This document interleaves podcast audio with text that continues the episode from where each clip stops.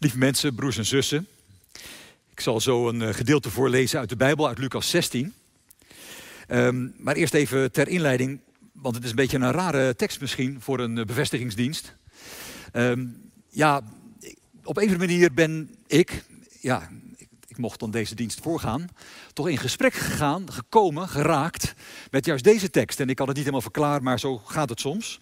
En dat is ook gebeurd uh, vanuit het gesprek wat uh, Mirte en Martine uh, en ik hadden bij de voorbereiding van deze dienst.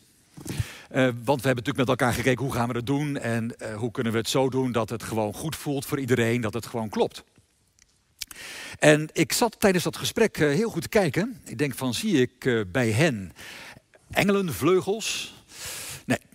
Zie ik misschien een aureooltje? Uh, nee. Nee, het bleek dat het bestuurswerk en daarmee beginnen, dat dat ja, sterk verbonden is met, met ieder van jullie, jullie eigen levensgeschiedenis. En met, met vragen omgeven, onzekerheden, ook vragen.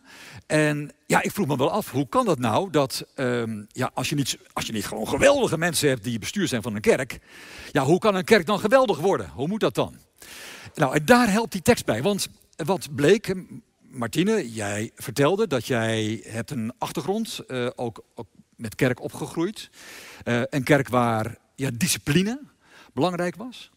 Uh, een beetje als beeld, mannen met zwarte pakken zal ik maar zeggen. Daar doe je het geen recht mee, maar dat was een beetje het beeld. Um, dat, dat schiep ook afstand. Toen is er in jouw familiegeschiedenis iets gebeurd... Uh, waardoor God toch veel dichterbij kwam. En ben je God ook op een andere manier gaan beluisteren. En door een verhuizing kwam je hier in de buurt te wonen. En, en hier ontdek je ook in de gemeente dat, dat luisteren naar God, die omgaan, dat omgaan met de nabijheid van God, dat dat, uh, ja, dat dat je goed doet en dat je daar ook in groeit. En je komt net vanochtend na anderhalf uur slaap van het, uh, het jongerenkamp Connected. En, en uh, zoiets, bijvoorbeeld de gesprekken die je daar hebt en, en het contact met jongeren en hoe God daarin aanwezig is. Ja, daar merk je, daar gebeurt iets.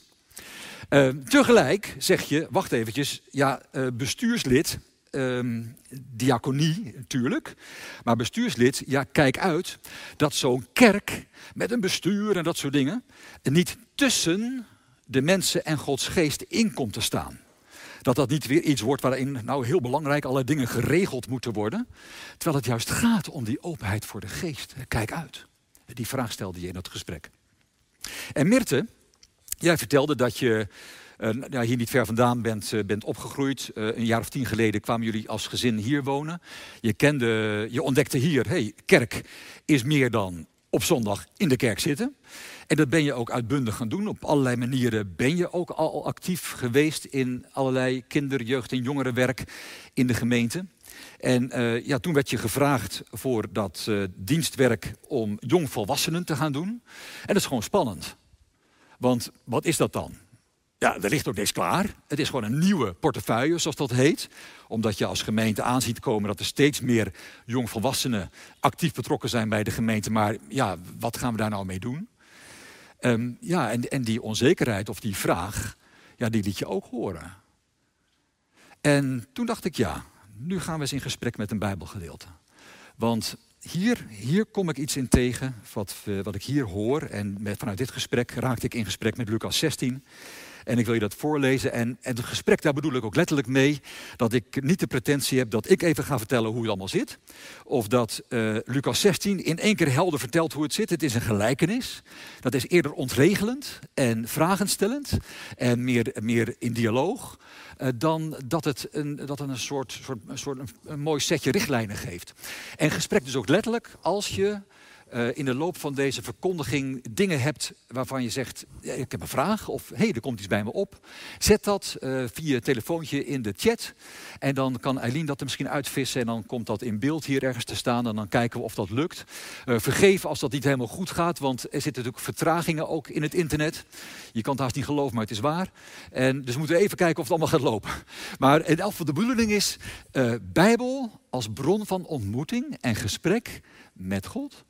Ook door ontmoeting en gesprek met elkaar rond zo'n verhaal, rond deze gelijkenis. Want wat zei Jezus? Er was eens een rijke man die een rentmeester had en te horen kreeg dat de rentmeester zijn eigendommen verkwiste. De rijke man riep de rentmeester bij zich en zei tegen hem: Wat hoor ik over jou? Leg verantwoording af van je beheer, want je kunt niet langer rentmeester blijven. Toen zei de rentmeester bij zichzelf: Wat moet ik doen? Nu de Heer mij het beheer afneemt. Werken op het land, dat kan ik niet. En voor bedelen schaam ik mij. Maar ik weet al wat ik moet doen. Ik weet wat ik moet doen om ervoor te zorgen dat de mensen, wanneer ik van mijn beheerderstaak ben ontheven, mij bij hen thuis ontvangen. Eén voor één riep hij de schuldenaars bij zich. De schuldenaars van zijn heer. En de eerste vroeg hij, hoeveel bent u mijn heer schuldig? Nou, eh, 100 vaten uh, olijfolie, antwoordde de schuldenaar. De rentmeester zei tegen hem, ga zitten. Uh, hier is je schuldbewijs, ga zitten. Maak er gauw 50 van. Daarna vroeg hij aan de volgende schuldenaar. En u, hoeveel bent u schuldig? 100 balen graan, luidde het antwoord. En de rentmeester zei, hier is uw schuldbewijs, maak er 80 van. En de Heer prees de oneerlijke rentmeester omdat hij slim had gehandeld. De kinderen van deze wereld die gaan immers slimmer met elkaar om dan de kinderen van het licht. Wel nu. De Heer prijst dus de oneerlijke rentmeester omdat hij slim had gehandeld. Die Heer, die rijke man, daarvan denk ik dat dat in dit verhaal God is. En wij, mensen hier aanwezig en online, wij zijn rentmeesters, beheerders.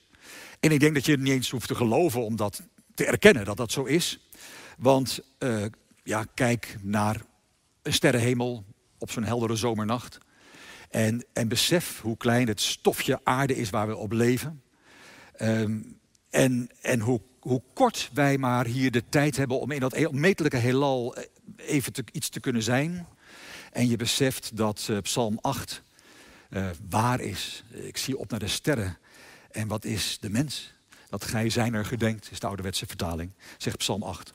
Wij zijn geen eigenaren van de aarde. We zijn, hij is ons een tijdje toevertrouwd. Of, of kijken naar, naar je lichaam. Uh, pak een orgaan, de knie. Ik weet niet of het een orgaan is, maar voor de knie. Uh, ja, of, je, of je vinger of je oor, weet ik het, oog, hart. maar afval. En, en bedenk wat er allemaal, hoe dat allemaal wat er allemaal nodig is om dat te laten werken aan elektriciteit, chemie, pezen, uh, vochtstromen, weet ik allemaal. Het is een wonder dat er nog iemand is die zijn knie kan buigen als je daarbij stilstaat. Dat is je gegeven, dat heb je niet in de hand, dat ontvang je. En dat beheer je. En dat zou je somber kunnen duiden van ja, het is ons allemaal gegeven, we hebben eigenlijk niets in handen.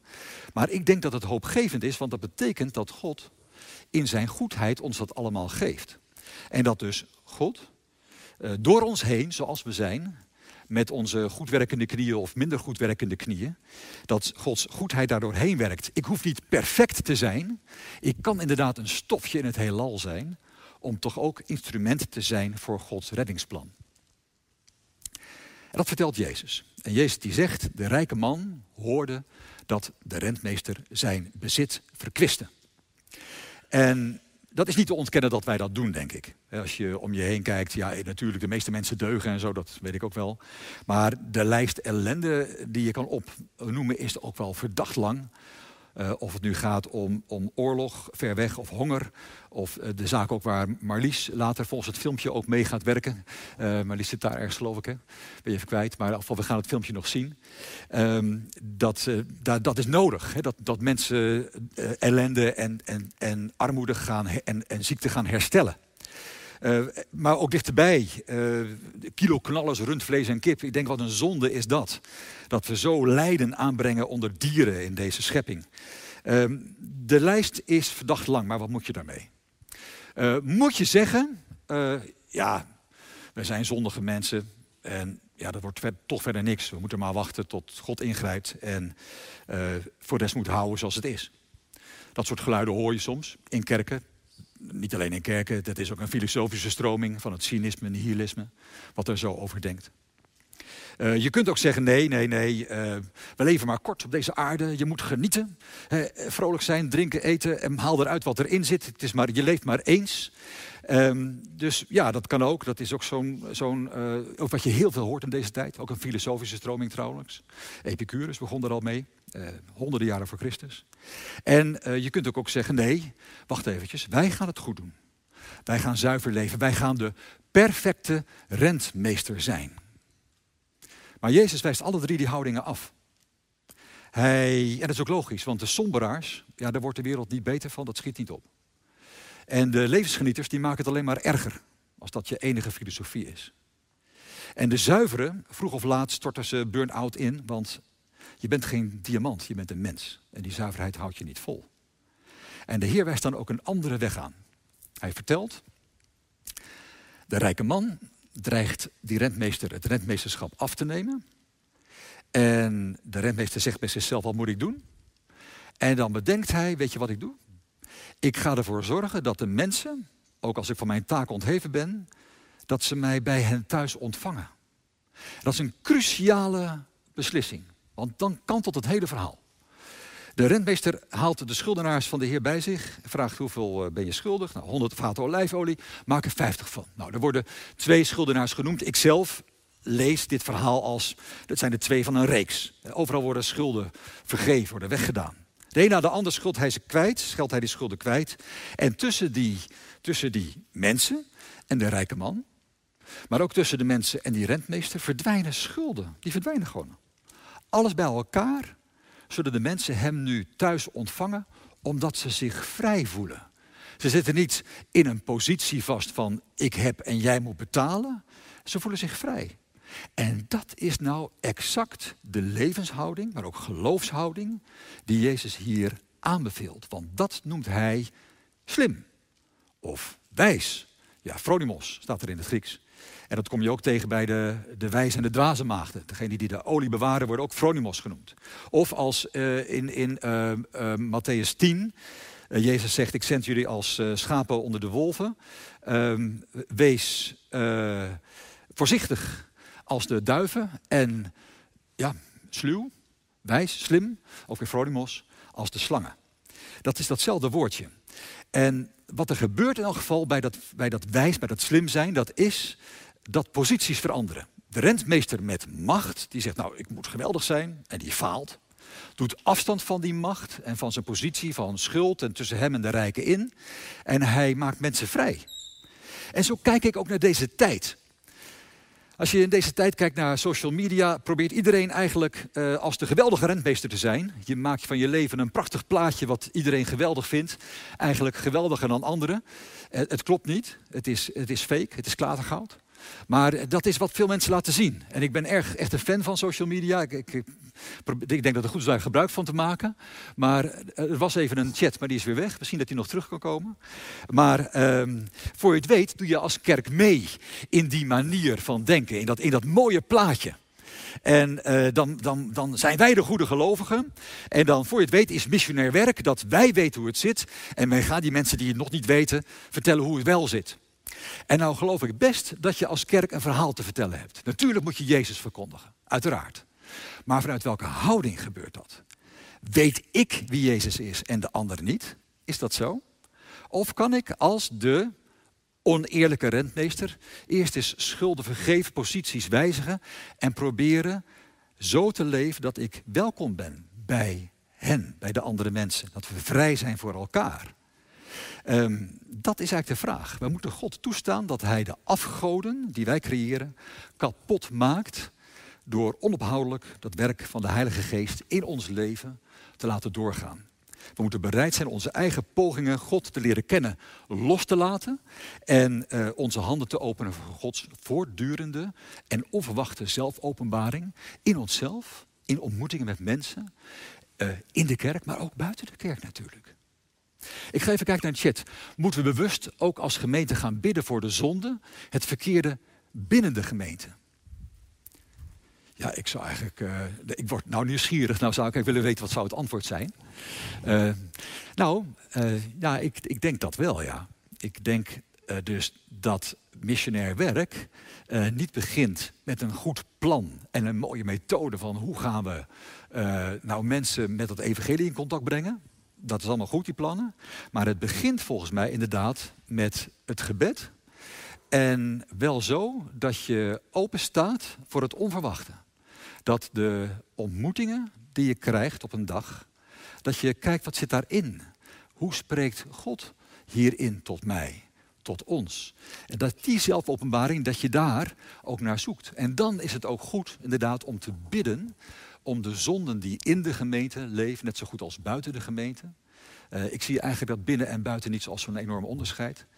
Um, en dat je inderdaad zoekt naar uh, vergeving van zonde. En ik zie dat zelf als dat je vraagt om nou, wat die rentmeester hier doet, maar dan eigenlijk dat, dat Jezus dat voor je doet. Dat hij je die belemmeringen weghaalt, de afgoden van je afhaalt, die beelden en dat moeten en alle schulden waar je mee zit of waar je anderen in vastzet. En dat hij je vrijmaakt om in zijn licht te leven. Dat zie ik als bidden uh, voor de zonde van de gemeente. En hier staat schulden die verdwijnen en bevrijd worden. Prachtig thema. Hoe kan ik, hoe kunnen wij dat samen concreet maken in Kruispunt? Nou, dat, dat ga je horen. Daar gaan we naartoe. Um, missionair, missionair werk begint dus volgens mij, maar daar komen we het komend jaar zeker nog wel op terug. Um, vanuit deze Bijbelgedeeltes, vanuit dit gedeelte. Uh, ik ben als kerk, dat erkennen, ik ben als kerk geen haar beter uh, dan mensen zonder kerk. Uh, gewoon het heel wijs, slim, wegvagen van onderscheiden. En de tijd eraan te besteden, ook je gebed, zo leven dat mensen van hun schuld afkomen. En dan zegt Jezus daarbij, Jezus zegt, de kinderen van deze wereld doen dat veel slimmer dan de kinderen van het licht. Hij is zelf een kind van de wereld geworden. Hij is uit het ontoegankelijk licht afgedaald naar onze wereld, zoals de eerste brief van Timotheus dat schrijft. Hij heeft de zonden weggedragen. Hij maakt het goed tussen de mensen en God. Hij heeft geleden tot aan het kruis. Hij heeft de dood heeft hij ondergaan aan het kruis om onze zonden en is opgestaan om onze rechtvaardiging. Wat betekent dat nou concreet? Nou ja, daar vertellen de opstandingsverhalen heel duidelijk over. Dat geen deur hem tegenhield. Hij was thuis bij ieder mens. Hij kon zo bij zijn leerlingen binnenlopen. Hij, zoals die, wat, wat die oneerlijke rentmeester eigenlijk bedoelde. Dat gebeurde gewoon met Jezus toen hij opgestaan was. En wat hij doet is, als hij bij die leerlingen komt, dat is zeggen, uh, vrede is aan jou, en wees niet bevreesd, wees niet bang. Die twee dingen. Dat zijn de woorden van Jezus. En dat kun je samenvatten in dat moeilijke woordje genade. Genade betekent kwijtschelden, dat betekent bevrijden. Uh, hij had die leerlingen ook kunnen verwijten. Je bent me verlogend, je bent me verraden, je bent weggehold toen het erop aankwam. Je, hebt me uh, je bent niet bij me gebleven. Uh, nee, genade is, vrede is jou. Vrees niet, daaruit leven.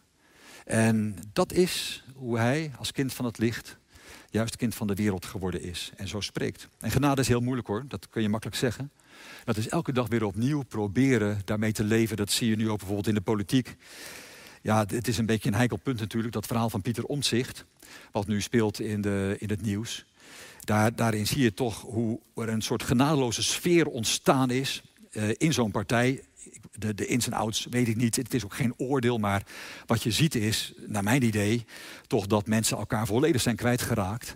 Um, oordelen, verwijten, uh, burn-out, genadeloosheid.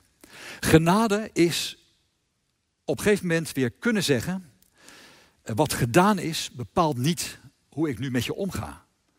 Gericht zijn weer op Gods toekomst en ik omarm je dat kunnen zeggen. Zoals de vader dat doet in het stukje voorafgaand aan ons Bijbelgedeelte in Lucas 15. De vader die de verloren zoon omarmt. En dat is de taak, de concrete taak van ons als kerk in deze tijd. En dat zie ik gelukkig ook heel veel gebeuren. Ik zie dat vandaag gebeuren dat uh, oneerlijke rentmeesters vandaag uh, die, die vind ik terug in de bestuursleden. En dat is, uh, dat is, dat is bemoedigend bedoeld, niet afkrakend. Laat ik dat gelijk even eerst even stellen. Voor het weten krijgen we misverstanden, moeten we niet hebben. Um, want de mensen, jullie beiden, die hier bevestigd worden, jullie zijn geen haar beter dan ik of jij of wie dan ook, of binnen of buiten de kerk. maar ehm, ja, je bent wel met genade bezig. Heel praktisch. wat doet een diaconie bijvoorbeeld? Hé Martine?